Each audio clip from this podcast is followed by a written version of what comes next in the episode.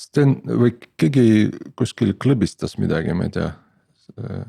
kuskilt tuli Jaa, sihuke ma tegin, akna okay. lahti, teise akna okay. enam ei, enam ei puutu. okei, okei.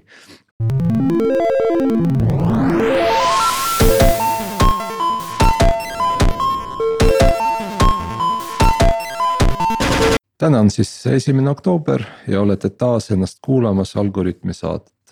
Mina olen Sergei Nikin Pipedrive'ist ja minuga koos stuudios eh, Tiit Paananen Veriffist Eh, ja ta on liitunud meiega eh, kaugelt saarelt ja see kvaliteet tema poolt võib ka natuke kehv olla. aga sellegipoolest ta on meiega koos. ja täna meil on hästi põnev teema, selle teema algataja on Sten Tamkivi, keda eh, paljud meist eh, tunnevad Skype'i aegadest, aga kelle viimane roll oli, oli siis Topias eh, chief product officer'i, officer ja tema hetkel on lapsega kodus. ja sellest see kogu lugu sai alguse, tere Sten. tervist. nii, kuidas see lugu algas? Stenil ilmselt tekkis palju aega eh, lapse kõrval uute asjade õppimiseks. ja üks eh, asi, mida ta hakkas uurima, on siis eh, detsentraliseeritud finantsteenused ehk DeFi.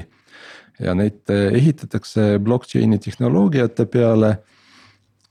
ja Sten hakkas vä- väikses seltskonnas meile seda valdkonda tutvustama ja siis mul tekkis mõte, et võib-olla teeks eh, hoopis eh, saadet arendajatele, kuidas siis neid blockchain'i tehnoloogiaid kasutada, kuidas finantsteenuseid ne- nende peale ehitada. ja sellepärast me kutsusime ka ühe teise külalise meie saatesse, kes oskab kirjutada blockchain'i tehnoloogia peale rakendusi ja ta nimeks on Janek Oja. tere, Janek tere, ja äh, alustakski võib-olla sellest, et äh, Janek äh, tutvustab ennast. räägib, mille, millega sa tegeled. ja siis, kuidas sa jõudsid sinna, kus sa oled praegu. mina olen tarkvaraarendaja väga pikalt juba ja ma võiks öelda, et ma olen siis freelancer. ma jah, olen seda päris pikalt juba teinud, vahepeal muidugi oli mul ka endal mm, paar ettevõtmist. kuidas ma jõudsin blockchain'ini hm,? ma arvan, et see oli kaks tuhat seitseteist algus äkki või ja, ja enne seda muidugi äh, oli ka läinud, käinud läbi minu kõrvust äh, Bitcoin ja Ethereum. Bitcoin äh, oli selline nagu rohkem, mis jäi mulle kõrvu, kui ma enda tutvusringkonnaga nagu rääkisin. Ja ma arvan, et see oli kaks tuhat viisteist äkki, kui see oli esimene kord. sellel hetkel muidugi mm, ei avaldanud Bitcoin mulle väga mm, muljet. ja teatud erinevatel põhjustel. kaks tuhat seitseteist alguses, ma arvan, oli see, kus ma hakkasin rohkem seda uurima. ja uurima Ethereumit pigem. Bitcoini ka ja, ja minu huvi oli pigem rohkem äh, tehnoloogiline just, et kuidas ta on äh, realiseeritud ehk siis kuidas on see kood kirjutatud ja, ja, ja kõik muu sinna ja kui ma seda uurima hakkasin, siis ma tegelikult sain aru, kui põnev see on sa mõtled just tehnoloogilisest aspektist. jaa, tehnoloogilisest aspektist täpselt. ja, ja siis ma hakkasin ka aru saama tegelikult, et, et sellel äh, võib olla ka tegelikult reaalselt mingit tulevikku. Ja mida rohkem ma sinna sisse läksin, seda põnevamaks minu jaoks see asi läks. ja, ja praeguseni on, on ta mul tegelikult üks, üks põnevamaid äh, sektoreid siis. kuigi rahaliselt on, on sedasi, et, et ma olen mõnes äh, projektis ka reaalselt raha teeninud sellega. aga, aga noh, mitte nagu väga palju. kas see on siis äh, rohkem sihuke hobi, hobiprojekt sinu jaoks? noh, ütleme niimoodi, et äh, hea meelega sada protsenti teeks seda. aga on äh, aga noh, siin hetkel ei ole mina praegu kohanud, et noh, minu jaoks on, on ka tegelikult äh, reaalselt nagu raha, noh, ma pean eluga elama, eks ju. ja, ja siis on sellised nagu tasakaalud, et ma siis pigem nagu vaatan, et kui tuleb äh, selline ahvatlev, kus on minu jaoks ka raha ja, ja. Ja see paigas, et siis ma nagu teen ja kui siis ei tee ja siis teen lihtsalt hobi korras. ma arvan, et äh, tänase saate lõpus võib-olla me leiame sulle ka siukse Äh, koha, kus saab raha ka teenida, et meil on plaanis natuke äh, Steniga siis seda osa katta. aga enne kui me lähme üldse sinna, võib-olla räägiks need mõisted lahti, et mis on, mis on blockchain, mis on Bitcoin, mis on Ethereum. kas on veel mingid mõisted, millest kuulajad peaksid aru saama, et enne kui me üldse läheme tehnoloogia sisse? minu jaoks noh, blockchain on nad kõik, eks ju, nii Bitcoin kui, kui Ethereum. Ja, ja, ja blockchain tähendab mida, siis tähendab tegelikult detsensor-, võiks tähendada detsentraliseeritud äh, arvutite võrku. kus, mis on omavahel kõik ühenduses ja, ja, ja mis äh, siis põhimõtteliselt äh, muudavad andmeid äh, see on nagu väga selline võib-olla arendajatele võib-olla äkki rohkem arusaadav, et äh, on hunnik arvuteid koos, noh, ütleme näiteks kümme tuhat, kakskümmend tuhat, võib-olla isegi rohkem. Äh, kõik omavahel ühenduses võtavad, vahetavad sõnumeid ja, ja siis muudavad andmeid. aga mis on kõige olulisem, et miks üldse nagu tegelikult nagu finants seal peal võiks nagu töötada, on, on ikkagi see, et ei ole kellegi kui üks osapool sellest võrgust tahaks mingisugust jama teha, siis, äh, siis tal seda väga nagu kerge teha ei ole. ehk siis, kui mingisugune, okei okay,, ma ei lähe võib-olla sinna kanti, et ma ütlen nagu pank, eks ju, aga. aga kui, kui keegi finantsasutus tahaks äh, midagi teha, siis, siis ta saab võib-olla seal sees paremini oma andmeid nagu muuta, aga noh, see selleks, see on juba teine teema. ma küsiks võib-olla Steni käest, Sten, kas sa ajaloost ka oskad äh, rääkida midagi, et mis järjekorras, äh, mis on tekkinud? no mina, mina sattusingi blockchain'i maailma niimoodi, et kui ma elasin äh, ja õppisin USA-s kaks tuhat kaksteist, kaks tuhat kolmteist siis ma sattusin kokku inimestega, kes vajast Bitcoini uurisid, et Bitcoin, Bitcoini sellisest sünniplokist on praegu umbes üksteist aastat. et see oli kaks tuhat üheksa ja kaks tuhat kaksteist oli noh, Stanfordi ülikooli Bitcoini grupp ja sellised häkkerid nagu tegutsesid selle asja kallal äh, suurele vadavile see väga ei olnud jõudnud ja noh, et mina olen nagu sellest ajast silma peal hoidnud seal.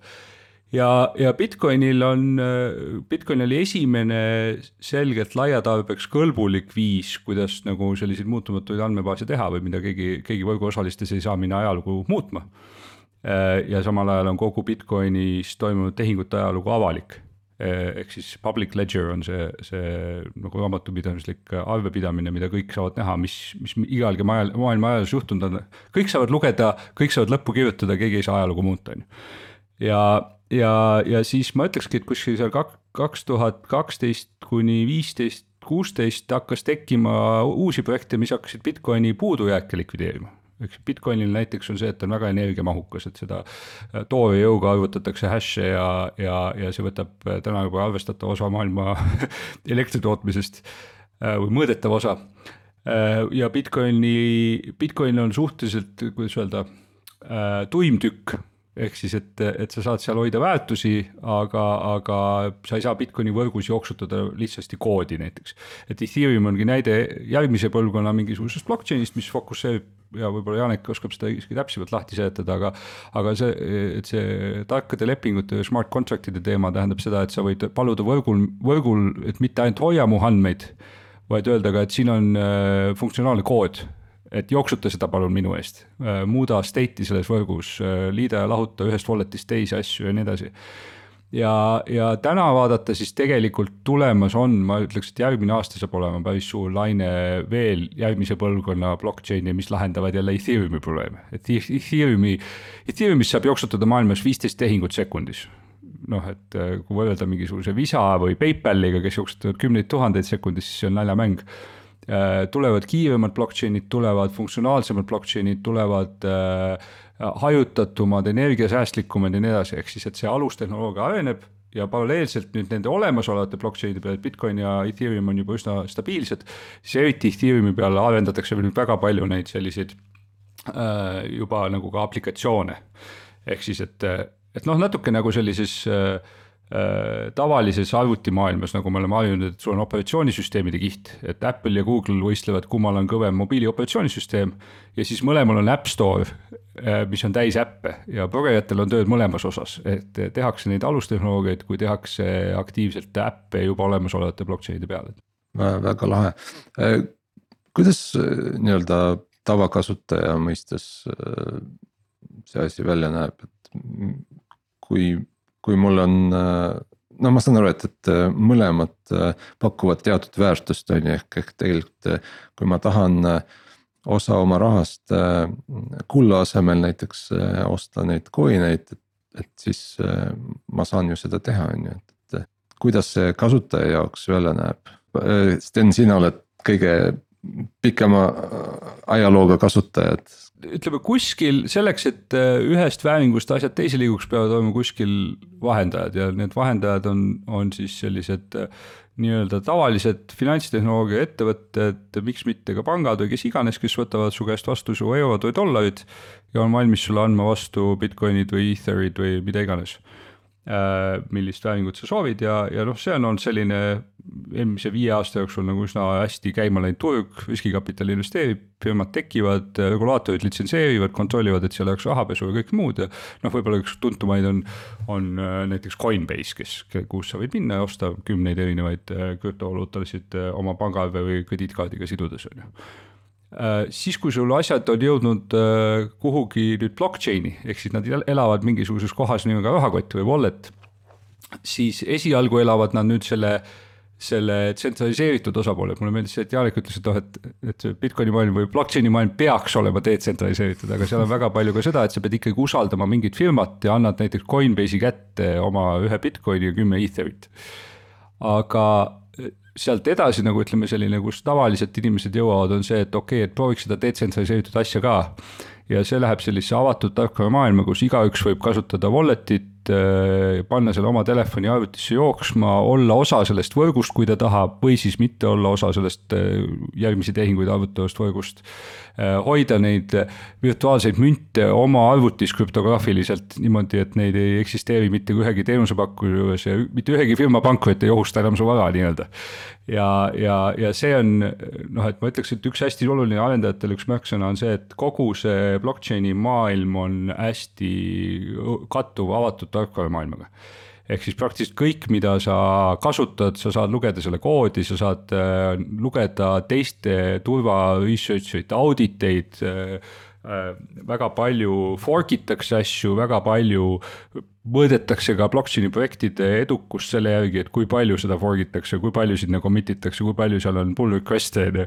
et, et kui elav on selline arendajate kogukond, et ja see on, ma ütleks, selline hästi nagu selline varajase Linuxi vibe'iga avatud tarkvara liikumine, kus nüüd lisaks sellele, et kõigil on entusiasmi, on, on seal kõvasti ka võimalust teenida lõpuks mul oli siin küsimus Janekule, et, et mis taustaga tarkvaraarendaja nagu kõige paremini sobib eh, plokiahela nagu teenuste ja rakenduste loomiseks, et, et mis see, mis see ettevalmistus peaks olema?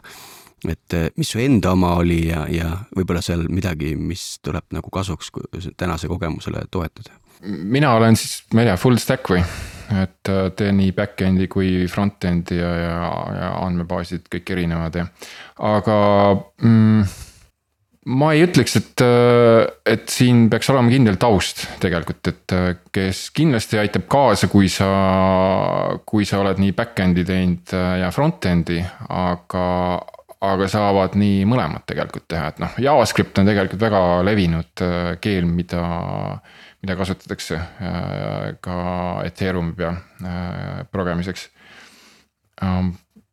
väga suuresti kusjuures ikkagi mm,.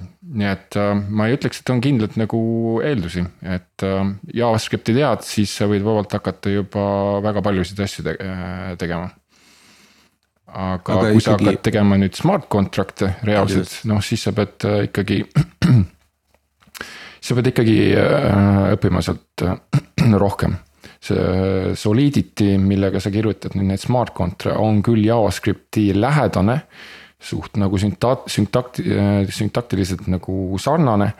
aga sa pead teadma reaalselt tegelikult ikkagi detailsemalt, mida sa seal teed.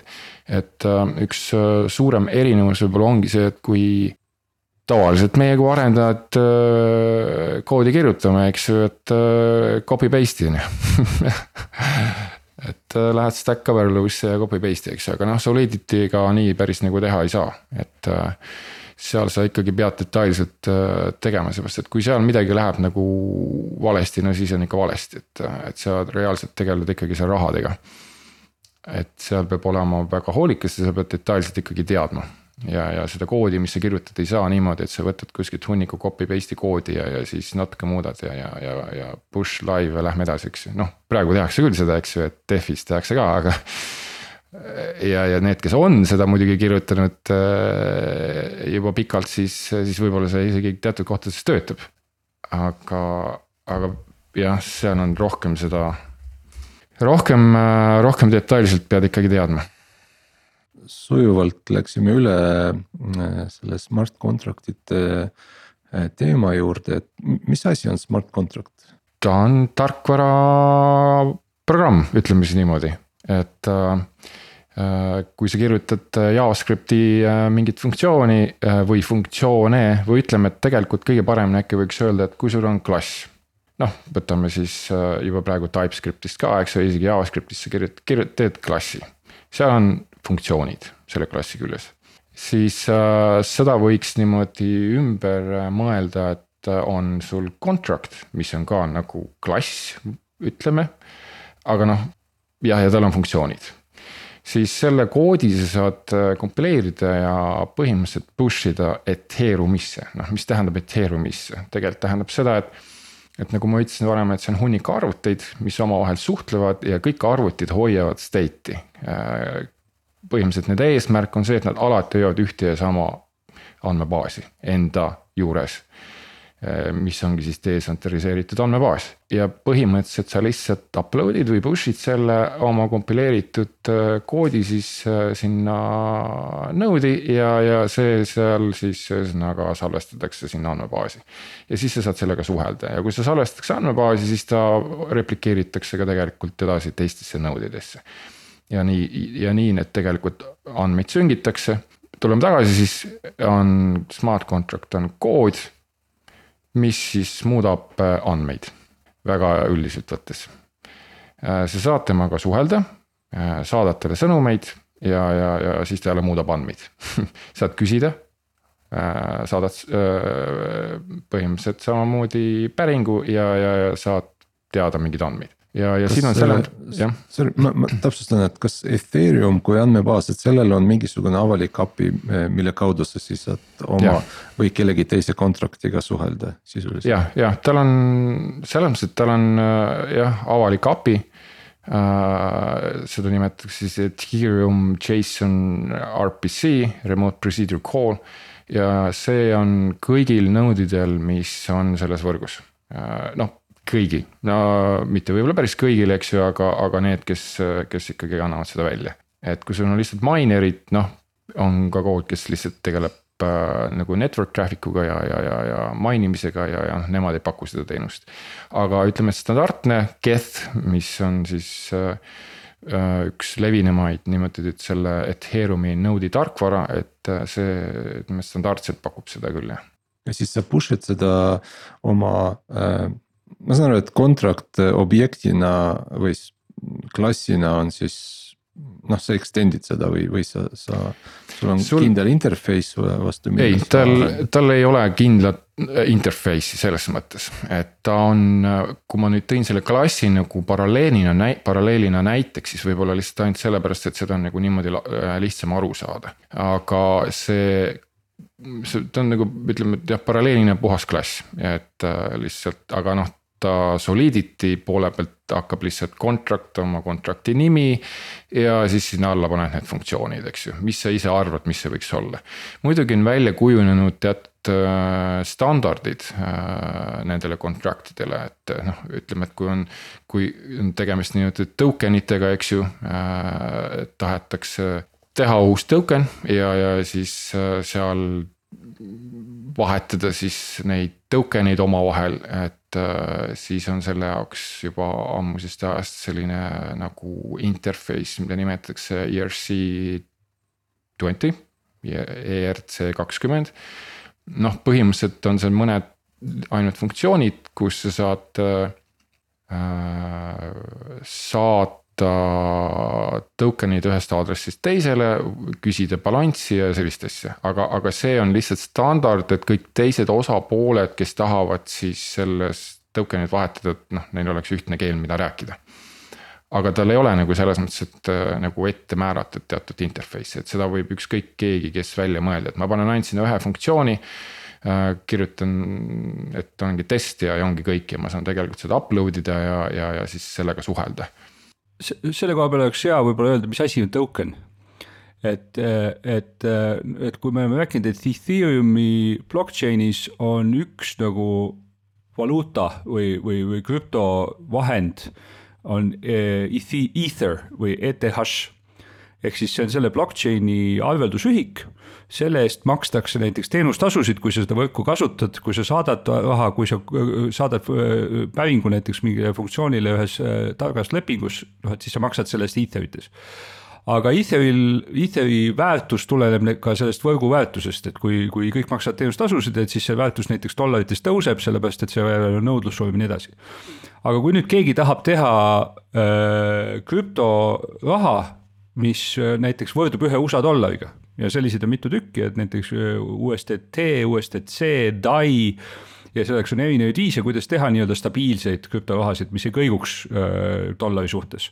siis selle saab vormistada selle ERC kakskümmend token'iga, ehk siis, et sul on, kellelgi on wallet kus elavad sees mõned etherid, millega ta teeb oma tehinguid ja siis tal võib olla seal näiteks sada USA dollari ekvivalenti ja see on nüüd smart contract, mille poole, kui mõni wallet tahab sealt äh, kanda sinna raha, dollareid või võtta sealt raha, virtuaalseid dollareid, siis ta nagu äh, suhtleb selle smart contract'iga, mis muudab selle Ethereumi nagu lõputult laiendatavaks.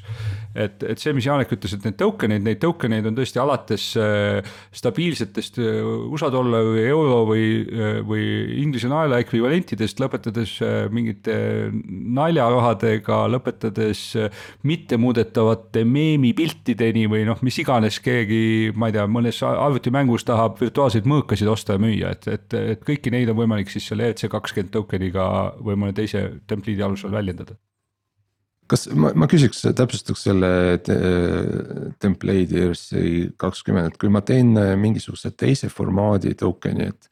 kas ma siis saan äh, vahetada seda teiste tokenite vastu või ma saan ainult oma formaadis token eid vahetada või, või kanda? Mm, selle jaoks on olemas siis exchange'id, äh, kus sa saad nüüd erinevaid token'id omavahel äh, osta-müüa. ja, ja on, on olemas detsentraliseeritud exchange'id ja, ja tsentraliseeritud siis, et nagu Sten ütles, et kui sa tahad oma eurodega tulla siia süsteemi Ethereumi peale. siis noh, on ka juba põhimõtteliselt detsentraliseeritud lahendused selle jaoks, aga, aga enamus käib ikkagi läbi kas Coinbase'i või Krakeni või, või, või mingi muu asja. aga jah, exchange on see, kus sa saad vahetada nagu ma aru saan, Ethereum on sisuliselt selline baas, ma ei tea, operatsioonisüsteem ja siis selle peal sa saad oma valuutasid tekitada. ja siis äh, lisaks äh, on tekkinud exchange'id, mis äh, lubavad neid eri valuutaid omavahel vahetada. Ja kas need exchange'id töötavad ka smart, kas neil on omad smart contract'id, mis ütlevad, kuidas vahetada siis? see detsentraliseeritud jah, need töötavad smart contract'ide peal, äh, noh tsentraliseeritud äh, äh,.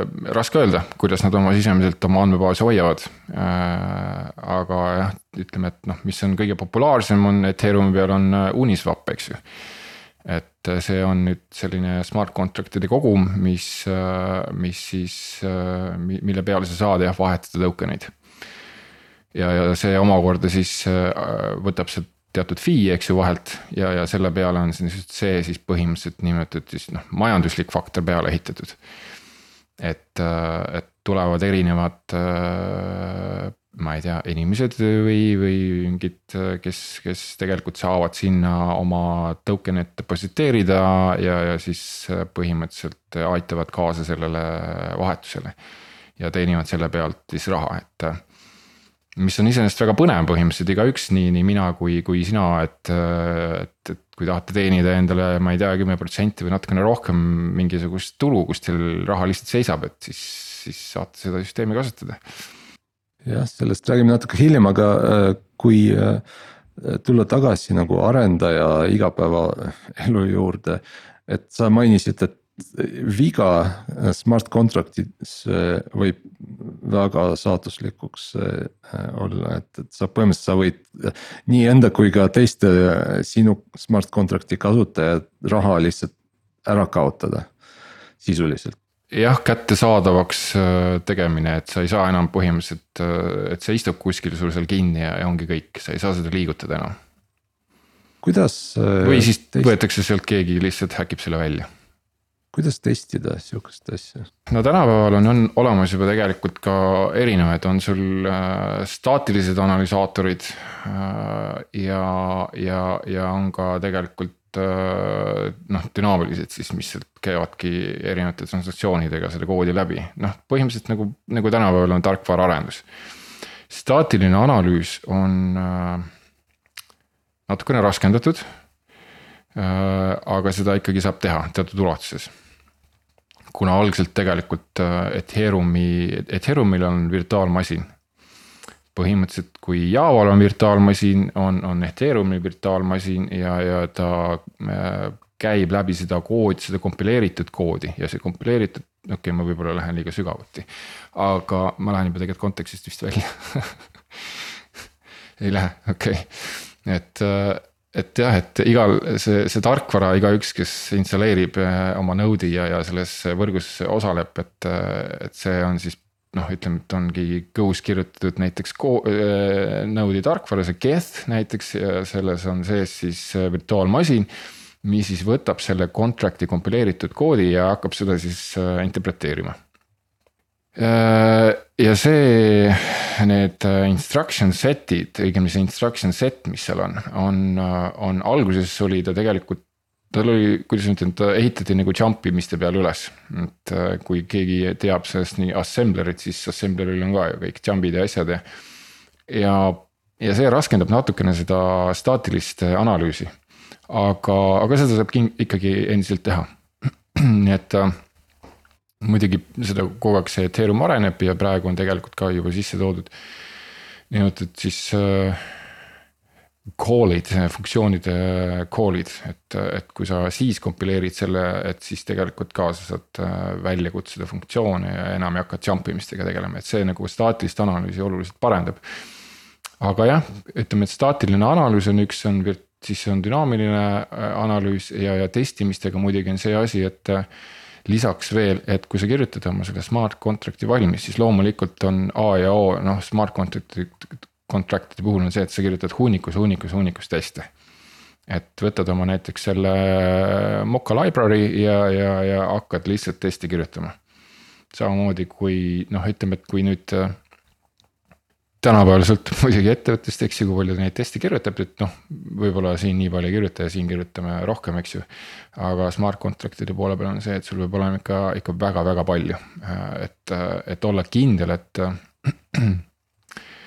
et sul kuskil auku ei ole, seepärast et äh, kui sa ikkagi selle kuhugile deploy'd ja, ja, ja, ja sinna sisse depone-, deposi-, deponeeritakse sul üks ikka paarsada miljonit, äh, paarisaja miljoni näiteks dollari väärtuses token eid.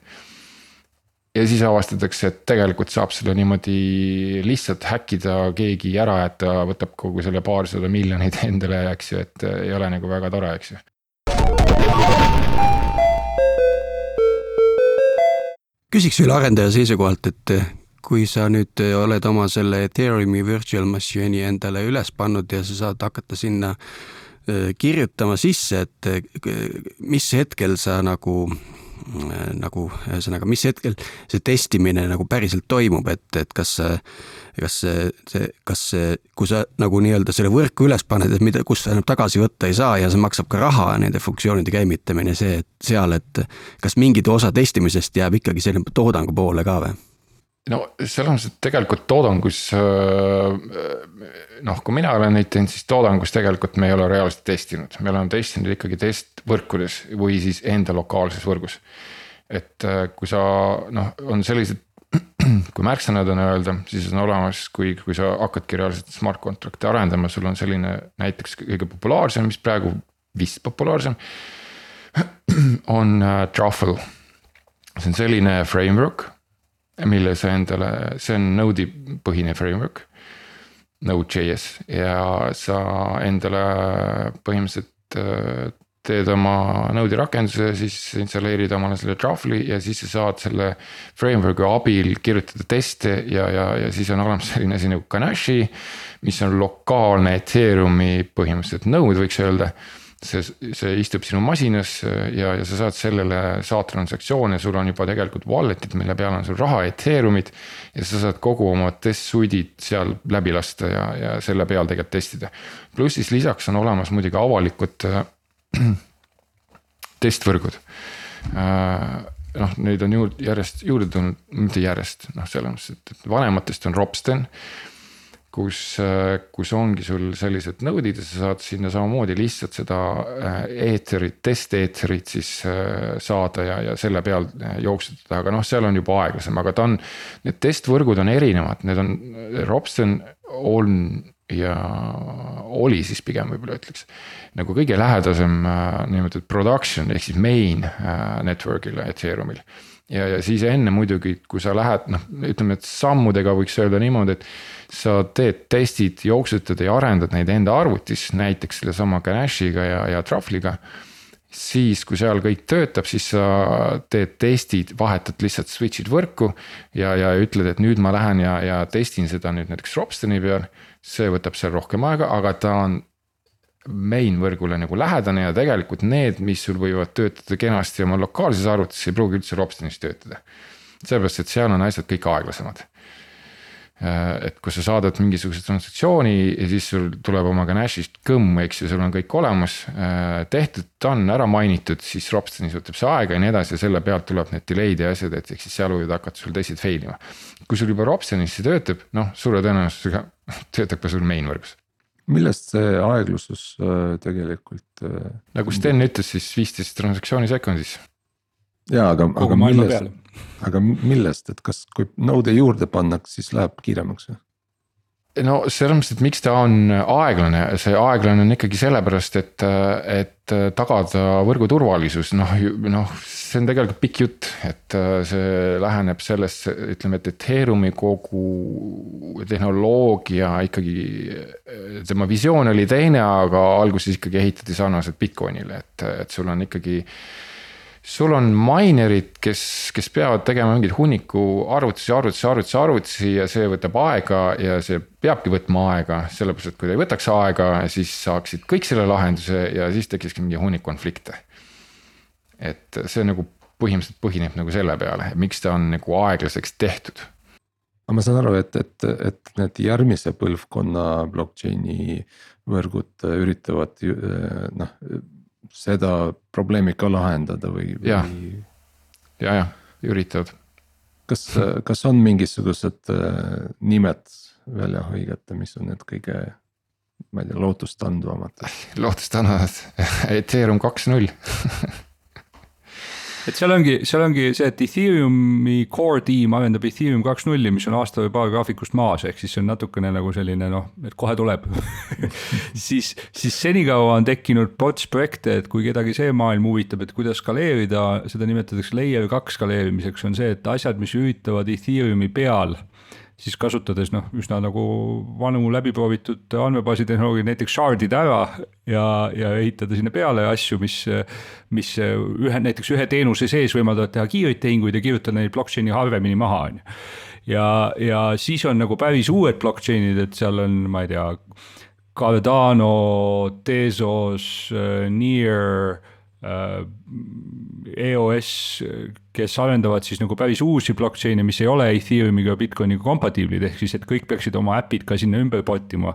ja Elrond näiteks ja, ja osad neist väidavad, et nad on sellised internet scale ja, ja teevad eh, kümneid tuhandeid, sadu tuhandeid transaktsioone sekundis ja nii edasi Neist mõned on mainnetis, aga võrreldes Ethereumiga reaalset majandustegevust toimub seal veel nii vähe, et väga raske on öelda, et noh, seal, seal on võrguefektid, et kui sa oled juba vaeva ära näinud ja kui su kasutajad ja nende raha istuvad sul Ethereumi peal, siis kogu oma maailma ümber kolida teise võrku on väga suur otsus. kas, kas see tähendab, et Ethereum on nüüd de facto standard ja põhimõtteliselt ei olegi mõtet väga kuskile mujale vaadata? Ei noh, arendajate seisukohalt on, on, on mõistlik vaadata, teine asi on see, et kas sa jõuad seda teha, sellepärast et Ethereumi peal on sul juba nii palju, mida tegelikult teha, et noh, reaalselt sa lihtsalt noh, nagu mina, ma lihtsalt ei jõua. Mm, see on nii palju nagu kogu aeg tuleb uusi asju juurde ja, ja sa nagu reaalselt lihtsalt ei jõua. aga kindlasti muidugi oleks mõistlik seda arendajate seisukohalt nagu teha, et minu huvi on selles mõttes, et ikkagi. kuidas tehnoloogia nagu põhimõtteliselt, kuidas see mootor töötab ja, ja seda on nagu huvitav teada ja ka teiste noh. ütleme, et ma ei läheks võib-olla iOS-i sisse seda uurima, aga ma, sest noh, üldises plaanis minu jaoks on see ikkagi tsentraliseeritud. aga ma läheks pigem uurima selliseid nagu, nagu on Near, äh, mida Sten mainis. aga reaalselt ei ole veel seda jõudnud minna nagu sisemiselt uurima. ma olen äh, kuulnud, seda nimetatakse Web kolm nulliks, et miks, miks see nii on? Äh, noh, see on mõte, Niiri mõte on, nagu mina olen praegu sinna aru saanud, äh, parandage kui valesti, aga on mõte pigem ehitada, ütleme, et. Äh, detsentraliseeritud siis rakendusi, ehk siis noh, veebirakendusi pigem äkki siis ja. et kui Ethereum on enda juba jala maha löönud nagu ütleme, et finantspoole pealt.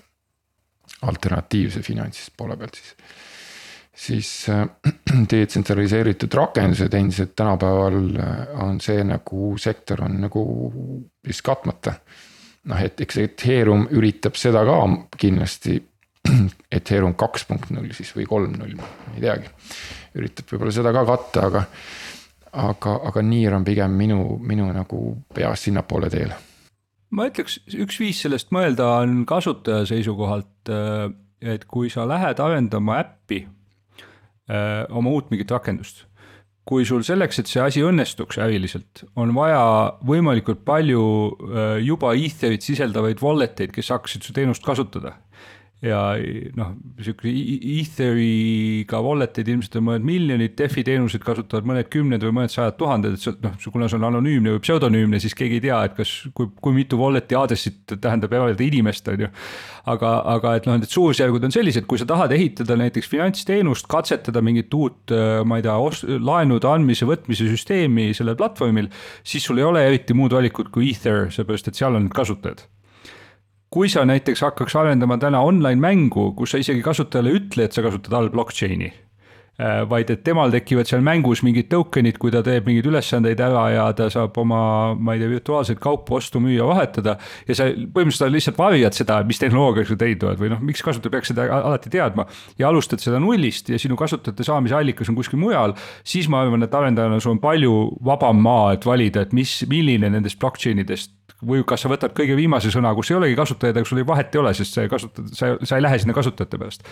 ja, ja just Ethereumi äh, kuna, kuna kõik need asjad, millest äh, täna, mida täna inimesed kasutavad seal, on äh, open source ja suuresti detsentraliseeritud siis äh, neid ka kombineeritakse väga-väga osavalt. selle kohta on niisugune koodnimetus on money lego.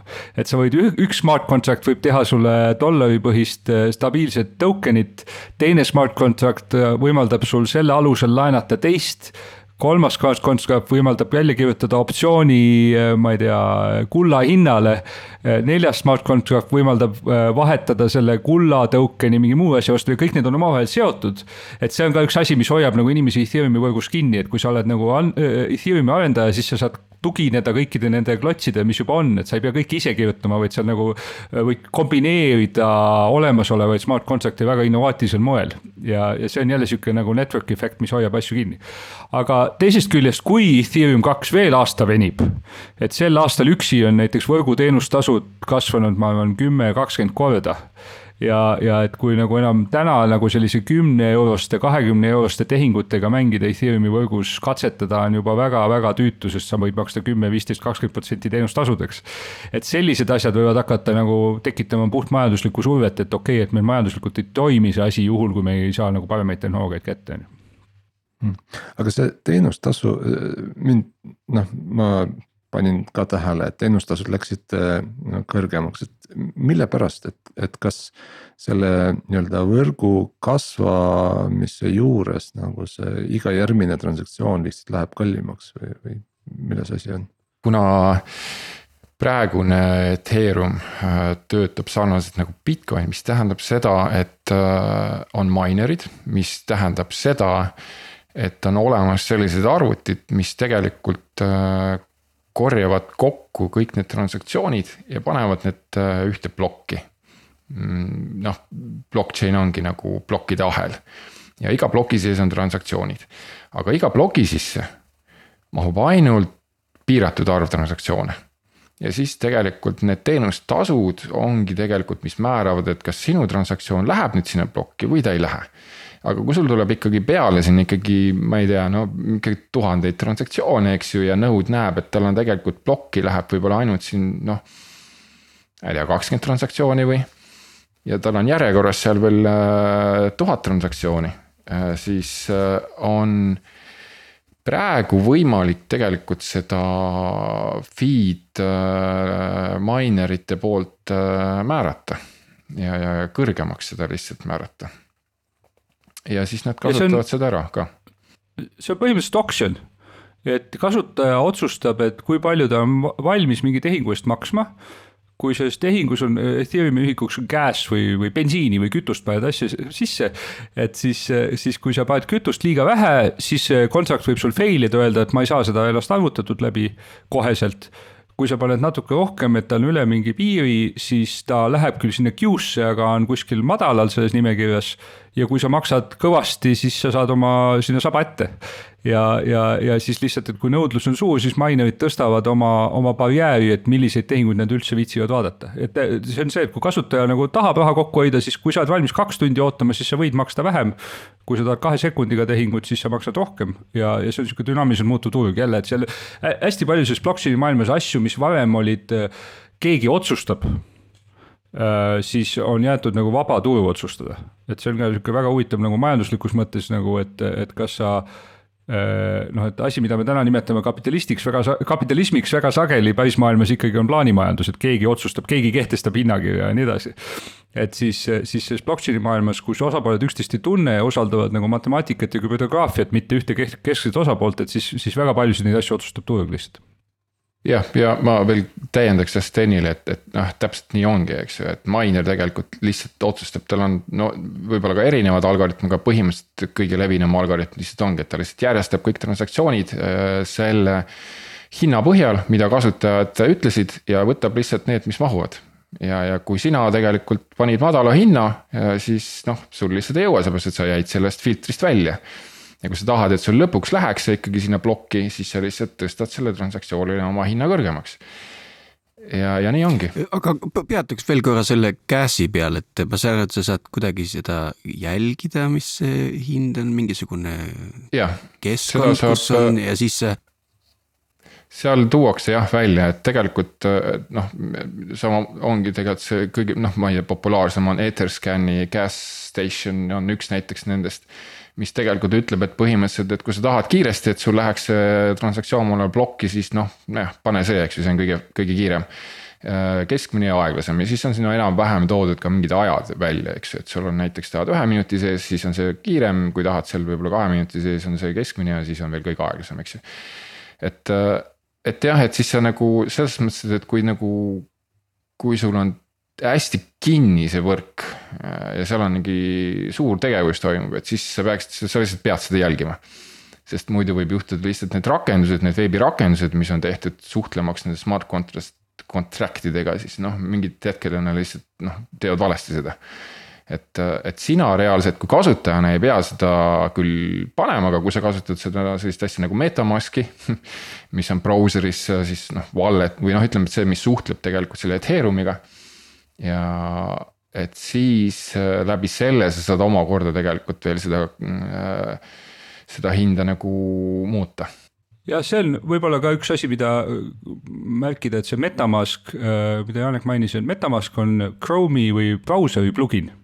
Ja, ja see käis enne küsisid, miks see on Web kolm null, et kui sul on äh, brauser ühendatud Ethereumiga, sinu tavaline veebibrauser, mida sa arvutis kasutad, siis see on selles mõttes Web kolm null, et iga sinu sessioon veebilehele äh, on krüptograafiliselt autenditav sinu mingi wallet'i vastu, mis tähendab, et sa saad selle veebisessiooni käigus vastu võtta tõukeneid, saata tõukeneid, äh, kanda üle Ethereumi ja nii edasi, mis avab täiesti uue maailma Äh, sellistele veebirakendustele, ehk siis need Web kolm null rakendused saavad teha rohkem kui Web kaks null rakendused, kes ma ei tea, pead oma Facebooki või Google'i loginiga ühendama ja siis su wallet'it ikka ei ole seal küljes et, et see, see on ka üks asi, mis jällegi selliste rakenduse arendajate jaoks võib tähendada seda, et sa võid hakata tegema asju, mida sa oled ammu unistanud, aga, aga enne ei olnud sellist nagu usaldusväärset infrastruktuuri selle jaoks. et kui Äh, üks sihuke blockchain'i äh, mõtlejate üks, äh, üks avastus, mis, mis vahepeal inimkond oli suutnud ära unustada, on see, et tegelikult HTTP protokollis on olemas response code nelisada kaks. Ehk siis, et targad mehed, kes kunagi HTTP-d tegid, teadsid enne kui nelisada neli viskad, nelisada kaks on payment required ja paarikümne aasta jooksul ei ole suutnud me välja mõelda veel tehnoloogiat, mis võimaldaks seda elus teha, seepärast et noh, krediitkaardi pealt maksta näiteks poolesendist makset on liiga kallis ja nii edasi. et täna selle Ethereumiga ühendatud brauserid on, ma arvan, esimene samm selles suunas, et sa saad HTTP request nelisada kaks tuleb ja sa ütled, et okei okay,, ma siis annan selle saidi loa natuke raha võtta mu käest, nojah, praegu need paywall'id kõik tahavad krediitkaardi andmeid, on ju, ja seal on lihtsalt äh, nupp maksa ja siis sa ei pea enam rohkem midagi tegema ja kakskümmend klikki ilmselt äh, okei okay,, aga, aga mõt-, äh, mõtleks veel neid äh, rakendusvaldkondi võib-olla, et, et noh, üks on Def-, Defi ehk decentralized finance on ju, et. et see on see, mis praegu tegelikult üsna, üsna mm, sihuke aktiivne. Mm, et Sten, võib-olla oskad sa rääkida natuke nendest komponentidest või, või mängijatest äh, üldse selles maailmas, et mis seal toimub? no minu sihuke taashuvi tegelikult sel aastal või ütleme eelmise aasta jõulude paiku ma hakkasin uuesti vaatama, et kaks tuhat seitseteist, kaks tuhat kaheksateist oli asi, millest paljud teist on ka võib-olla lehest lugenud, oli selline ICO-de või esmaste mündi pakkumiste laine et mitte IPO-d, aga ICO-d. ja see tähendas seda, et turul oli väga palju müra, väga palju inimesi lubas ehitada väga suuri asju ja said selle jaoks väga palju avansilist raha ja noh, see oli selgelt nagu mullistus ära, et äh, miljardid lendasid sinna-tänna iga päev. Ja mina hakkasin vaatama nüüd kaks aastat hiljem, kaks tuhat üheksateist lõpus, et nii Topia seisukohast, et, et kas nendest tüüpidest, kes palju lubasid, kaks aastat hiljem keegi midagi valmis ka saanud ja, ja samal ajal mul on üks roll veel, et ma olen LHV nõukogu liige ja noh, seetõttu ma hoian ka nagu sellisel finantsinnovatsioonil nagu silma peal ja, ja see on väga edgy work. ja oma suureks üllatuseks ma avastasin, et jah, mõned tiimid on ellu jäänud, mõned tiimid teevad, mida nad lubavad ja hakkavad tooted valmis ka saama. ehk siis, et, et kuskil eelmise aasta jõulude ajal ma vaatasin sellest DeFi maailma, detsentraliseeritud teenuste maailma, mis on siis puhtalt protokollipõhine, kus sa ei pea ühtegi firmat usaldama selleks, et oma rahaga midagi teha vaatasin sisse, tol hetkel oli seal selline noh, kuussada miljonit dollarit reaalset raha oli pöörles. ja täna ma võtsin lahti, Defi Pulse on üks väga hea äh, nagu selline dashboard selle jaoks ja täna on kümme miljardit. Ehk siis, et üheksa kuuga on seal kahekümnekordistunud sisuliselt see Äh, kapital, mis, mille, mis seal liigub ja, ja kus ta liigub, on põhilised teenused, on needsamad äh, stablecoin'id, mida ma mainisin. ehk siis inimesed, kes äh, Ethereumile lähenevad täna inimesed, kes ei oleks viitsinud oma elu koormata sellega, et kas Bitcoini või Etheri kurss tõuseb või langeb, see ei ole nende jaoks oluline. aga kellel näiteks on viis tuhat või kakskümmend tuhat dollarit ja nad tahavad kasutada neid krüptoteenuseid niimoodi, et nad ei pea kursi pärast muretsema. et ta paneb sisse dollarid, ta saab pärast välja dollarid ja et see, see kurss ei kõiguks kogu aeg, on ju. ehk siis ja, stablecoin'ide pakkujad, siis kui sul on juba, juba mingi see kapital sinna sisse voolab, siis tekivad nagu, nagu ka muidu pangandus- ja finantsmaailmas, kellelgi on raha üle, kellelgi raha puudu ehk siis, et tekivad detsentraliseeritud laenuteenused, et keegi saab anda oma raha hoiule ja teiselt poolt laenatakse see välja ja saadud intressi jagatakse, ehk siis sa saad oma hoiuse eest intressi, mis on väga huvitav jällegi, et. et maailmas, kus euro äh, intress on täna negatiivne, äh, keskpangad trükivad raha, USA-s võib-olla saad äh, pool protsenti, ühe protsendi oma dollari hoiuselt. kui sa hoiustad seda detsentraliseeritud moel, sa võid saada kaheksa protsenti, kaksteist protsenti intressi, et noh, riskid on ka teised ja tehnilised ja, ja kindlasti ei soovitaks sinna kellelgi panna kõiki oma sääste. aga, aga noh, sellised võimalused on tekkimas ja siis läheb see asi juba keerulisemaks, et, et on olemas sünteetilised instrumendid, mida arendatakse, et sa võid osta krüptograafilise token'i, mille hind peegeldab kulla või nafta või Apple'i aktsiahinda ehk siis sa ei pea ostma kulda või naftat või Apple'i aktsiat, vaid, vaid sa, sa, kui see nende hind tõuseb, siis sinu varaväärtus tõuseb.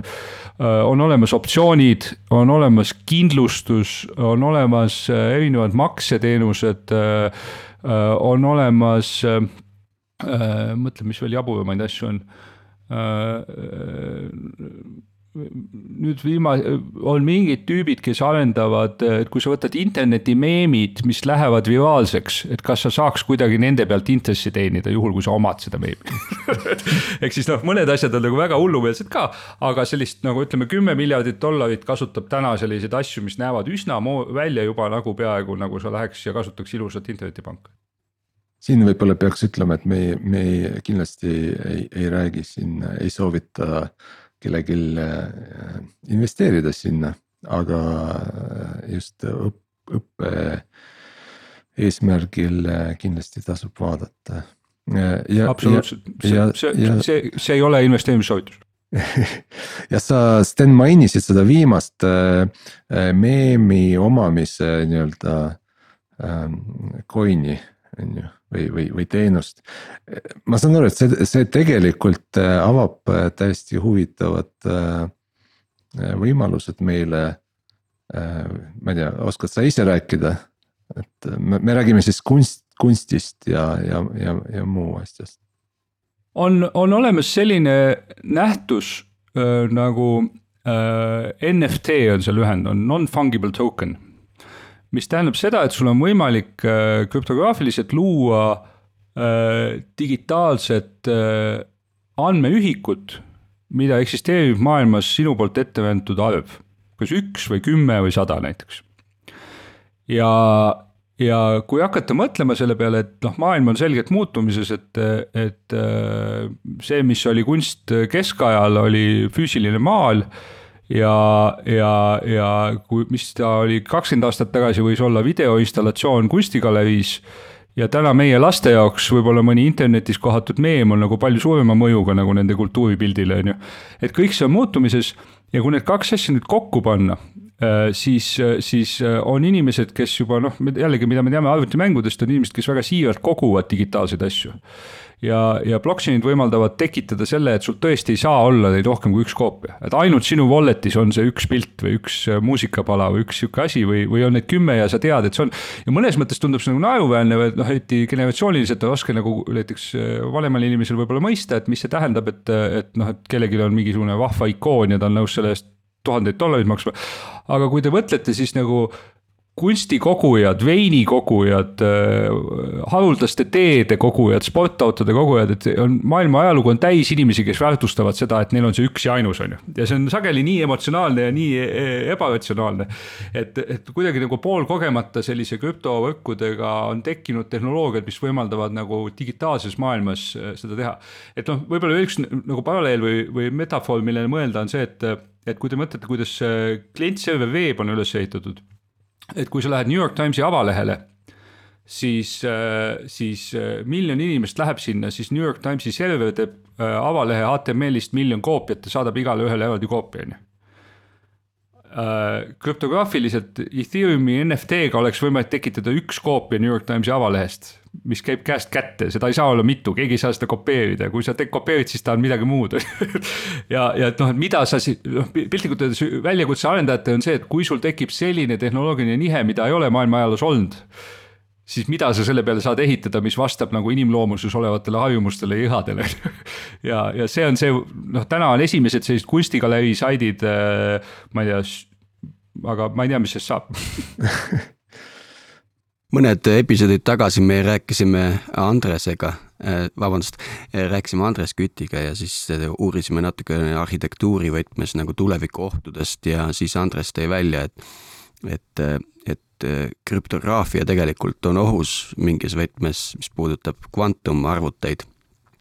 et, et kuidas see nagu meeletu areng, mis siin toimub, nagu arvestab sellega, mis potentsiaalselt on tulevikus tekkimas praegusel juhul, kui me räägime Ethereumist ja, ja need krüptograafilised algoritmid, mis seal on äh, kasutuses, siis hetkel noh, äh, raske öelda, kas neid on võimalik noh, tundub, et ei ole, eks ju, ei ole sealt pandud raha pihta, eks ju, järelikult ei ole nagu võimalik seda veel häkkida.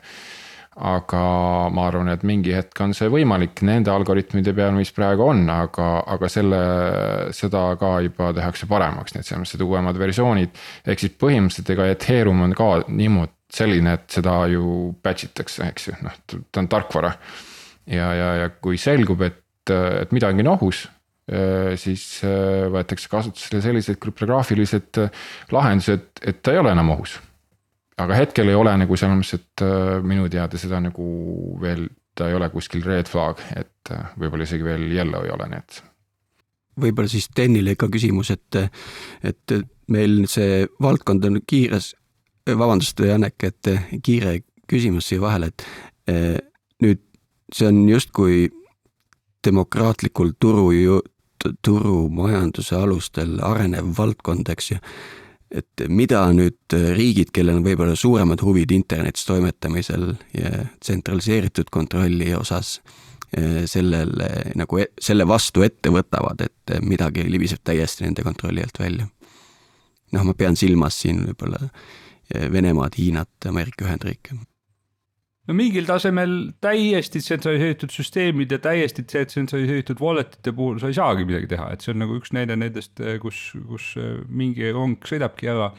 aga ma arvan, et see koht, mida riigid praegu kõige aktiivsemalt reguleerivad, on, on need kohad, kus sa nagu nende valuutast saad siseneda sellesse maailma ja tagasi et noh, see on ka väga sagedane, on, on sihuke maailma killustumine on ka nendes Ethereumi äh, asjades näha, et nagu mõni uus projekt alustab, ütleb, et see kõik on kasutajate kättesaadav, aga USA dollari eest USA residentidele me ei müü oma asju näiteks et, et, et selliseid riikide piire aeg-ajalt nagu tunnetab, aga siis, kui need asjad on juba jõudnud detsentraliseeritud blockchain'i.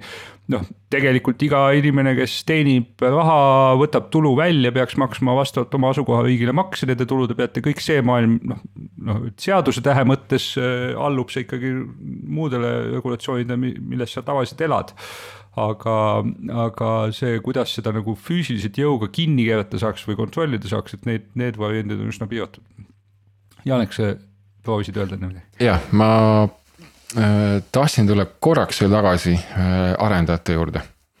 et äh, nüüd äh,, kui me räägime ikkagi smart contract'ist, siis noh, kui mina sellega alustasin, siis äh, üks selline huvitav nüanss on, on, on nüüd Ethereumiga üldse selle Ethereumi virtuaalmasinaga see, et see kood, mis sa sinna kirjutad, see, sa ei saa sealt kuhugile välja minna.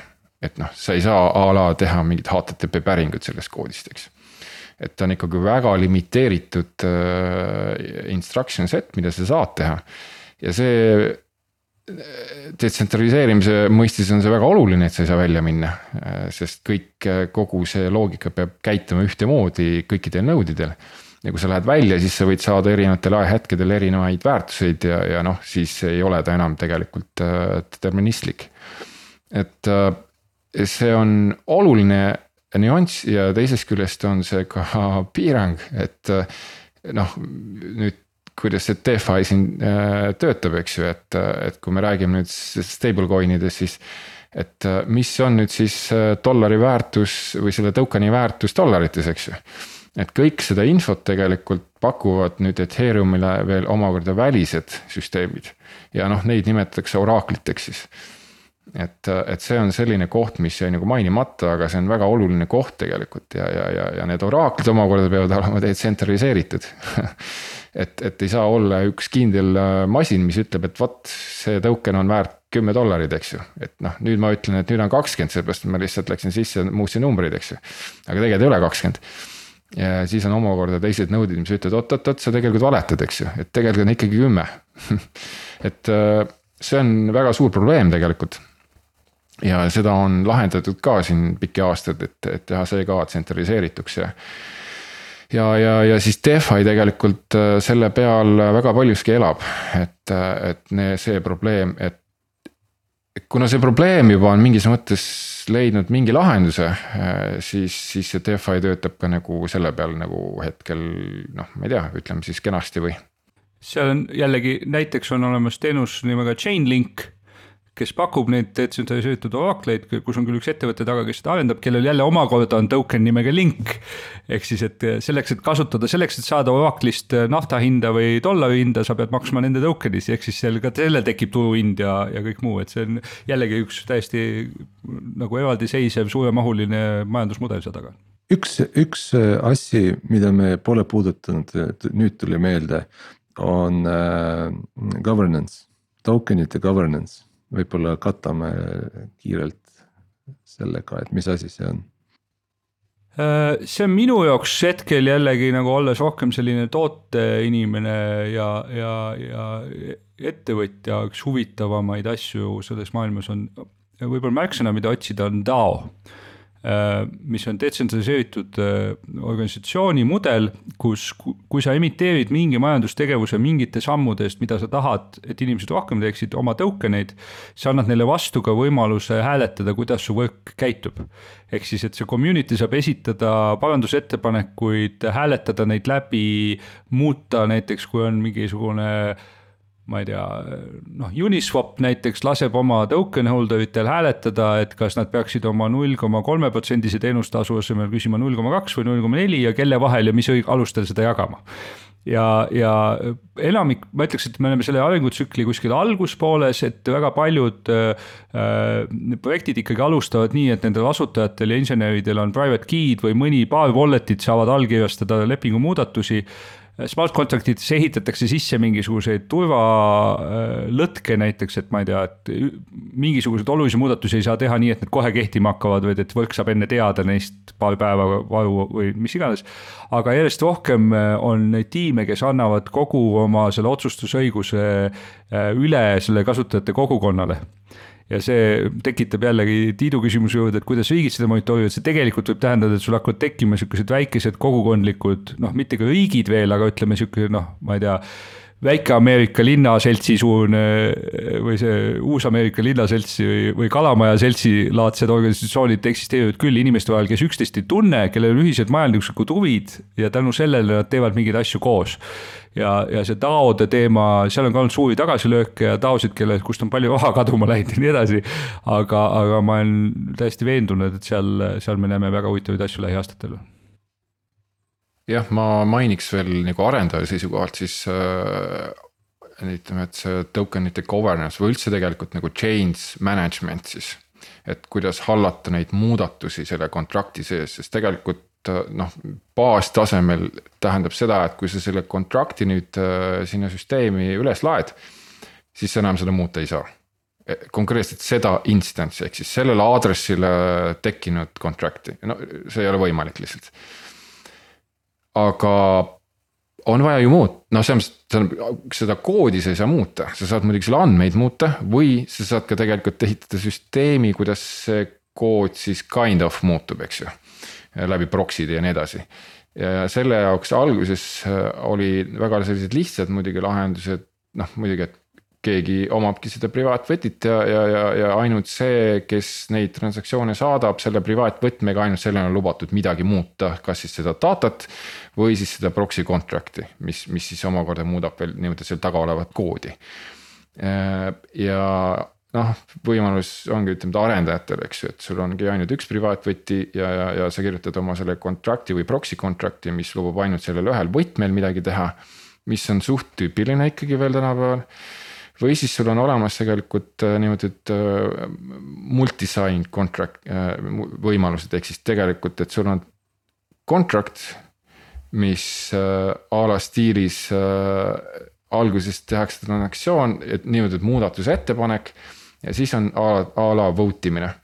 ja, ja kui see vote imine, ehk siis mina saadan oma allkirjastatud võtmega sinna selle oma hääle, et kas on jah või ei, eks ju, kas see läheb nüüd, ma ei tea, null koma kahe protsendi pealt null koma viie protsendi peale. ütlen jah, teine ütleb, kes on, ütleb omakorda saadab ka, ütleb ei, eks ju, kui nüüd threshold on ületatud, siis tegelikult teeb see kood selle muudatuse ära, eks ju. või siis selle andmemuudatuse. või siis on teine võimalus, et tegelikult see proxy contract, kus tegelikult samamoodi tehakse niinimetatud muudatuse ettepanek, ehk siis deploy takse uus kood sinna selle proxy contract'i taha. ja siis pannakse see proxy'sse uus aadress, et, et nüüd tegelikult läheb uue koodi peale see süsteem, ehk siis niimoodi on võimalik tegelikult kind of nagu tekitada mulje, et sul tegelikult on võimalik muuta seda koodi. aga see käib ikkagi see governance, et seda koodi muuta uh,. jah, enamus on ikkagi üle ühe võtme või siis tulevadki need taod mängu ja, ja kus on juba olema, kus on kood, et tegelikult, et saab mitu näiteks inimest või siis te, neid, kes token eid nagu haldavad ja siis läbi threshold tuleb ja siis läheb see, see aadress muudetakse ära.